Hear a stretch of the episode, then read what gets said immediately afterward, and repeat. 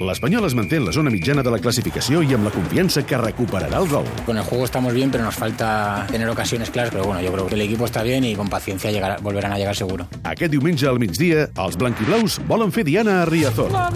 Seguiu la transmissió del Depor espanyol en directe per Catalunya Ràdio a partir de dos quarts de dotze. Amb la narració d'Eudal Serra, les entrevistes de David Ubach, l'anàlisi de Ricard Torquemada, les dades i estadístiques de Carles Domènech i la interacció amb els oients de Carlos Baraibar.